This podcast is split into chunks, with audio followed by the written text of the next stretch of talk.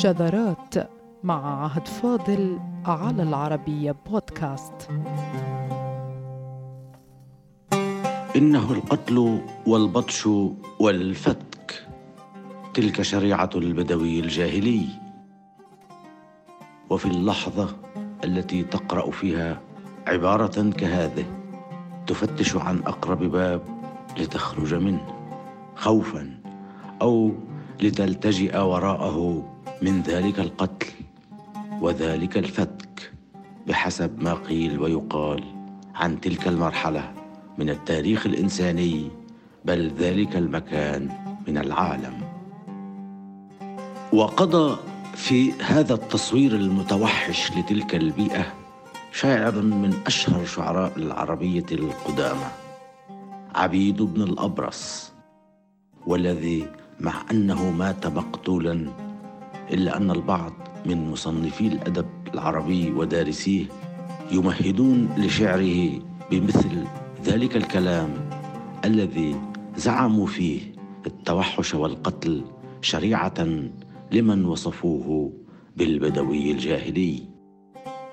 كذا ببساطة كما لو أن أي مجتمع يمكن له أن يحيا ويمتد في التاريخ دون وجود ضوابط أخلاقية تحكم العلاقات ما بين أفراده.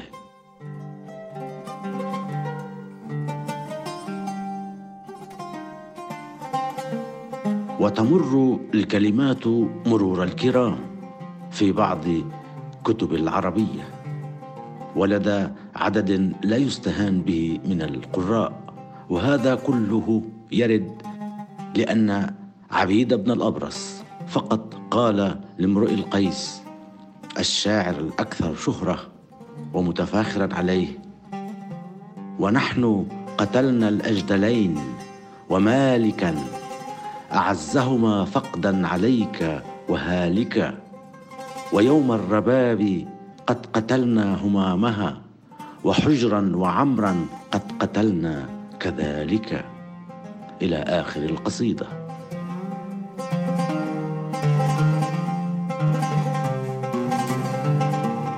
في المقابل كشف البعض من المصنفين العرب عن ذلك الجانب المعنوي في شعر التفاخر بأعمال الحرب والقتال على أنه لم يتعدى تفاخر في أصله فيما الحروب في جاهليات الأمم كما يقول العلامة عمر فروخ هي من حيز الفخر أكثر منها في حيز التاريخ.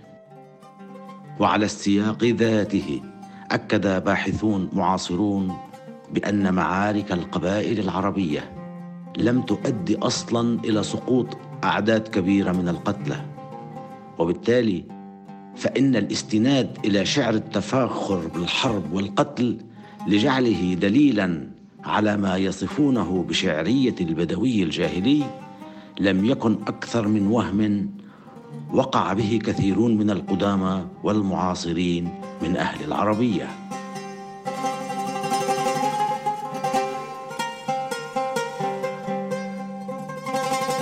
وفي مثل كل ذلك أصبح أحد أهم شعراء الجاهلية عبيد بن الأبرص ابن بيئة وحشية. لا تعرف إلا القتل والقتال. وهو الشاعر الباكي على فراق أهله الضائع في البلدان والحكيم المتشوق لرؤية الأرض التي ترعرع فيها في نجد. ذلك الإقليم الواسع المترامي الأطراف من قلب الجزيرة العربية إلى بادية العراق وأطراف تهامة. وهي الأمكنة التي تنقلت فيها بنو أسد قبيلة عبيد. واحدة من أعرق القبائل العربية وأرفعها شانا.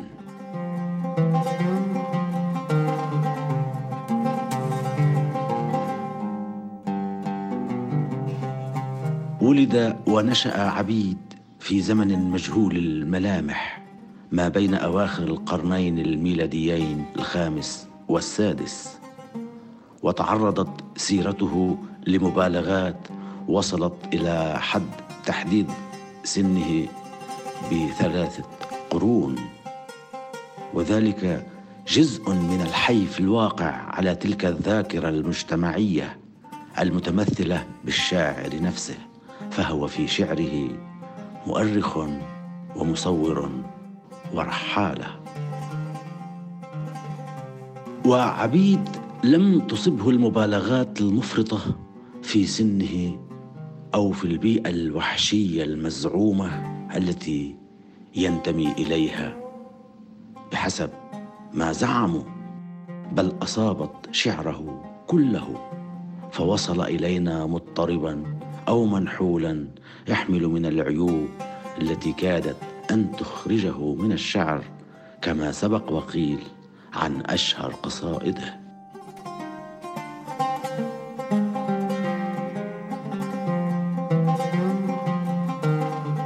وانتبه المستشرق تشارلز لايل الذي حقق ديوانه ونشره إلى نقطة هامة جدا في شعر معاصر لعبيد وهو الأشهر في شعراء الجاهلية امرؤ القيس حيث قال إن قصائد امرؤ القيس الباقية كثيرة بالنسبة لما بقي من غيره من شعراء عصره.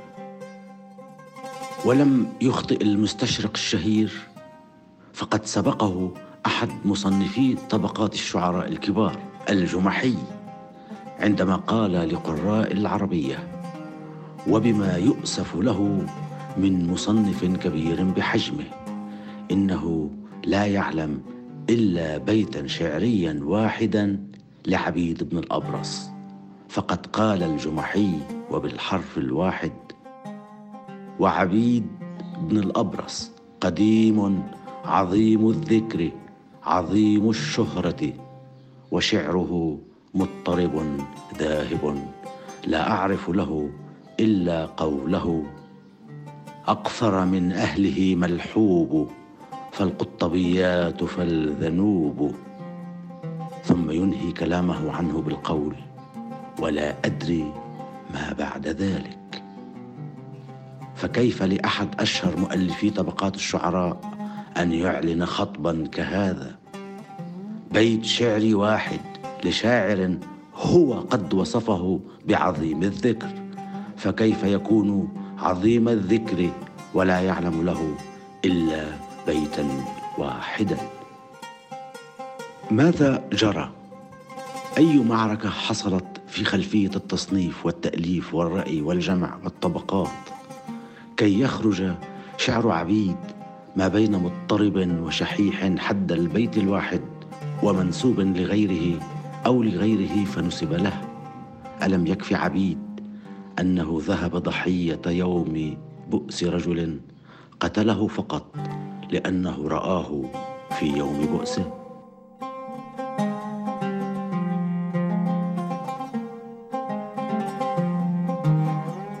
إذ تجمع روايات الإخباريين العرب على أن المنذر بن ماء السماء اللخمي قد قتل عبيد بن الأبرص في يوم بؤسه.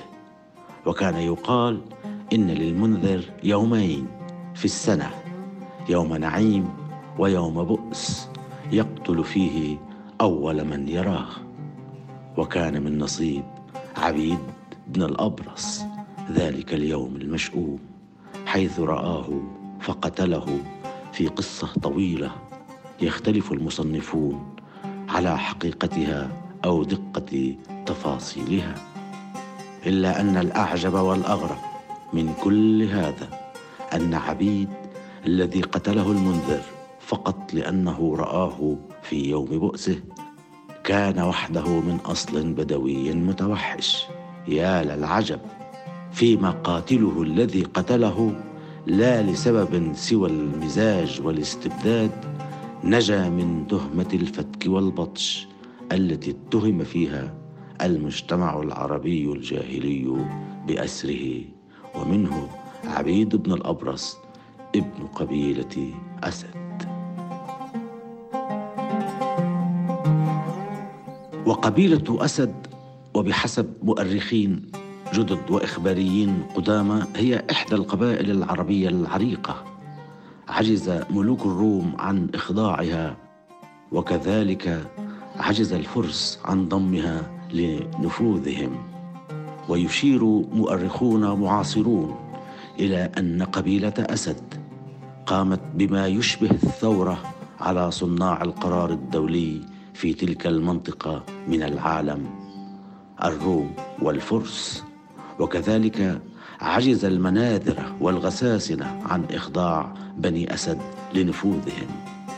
ولما قدرت كندة على التسلط على تلك القبيلة فترة من الزمن قام أحد أبنائها ويقال إنه علباء بن حارثة أو الحارث بقتل حجر أمير كندة وهو والد الشاعر الأشهر امرؤ القيس. وعلى ذلك القتل بدأت قصة الشاعر بالثأر والحكاية الطويلة التي منها أن امرؤ القيس لجأ إلى الروم والتقى بالقيصر جستنيان الأول في معرض طلبه نوعا من الدعم الدولي للأخذ بالثأر ومقاتلة خصومه وإعادة بسط سلطة أبيه على أسد التي عجز أمامها. الفرس والروم.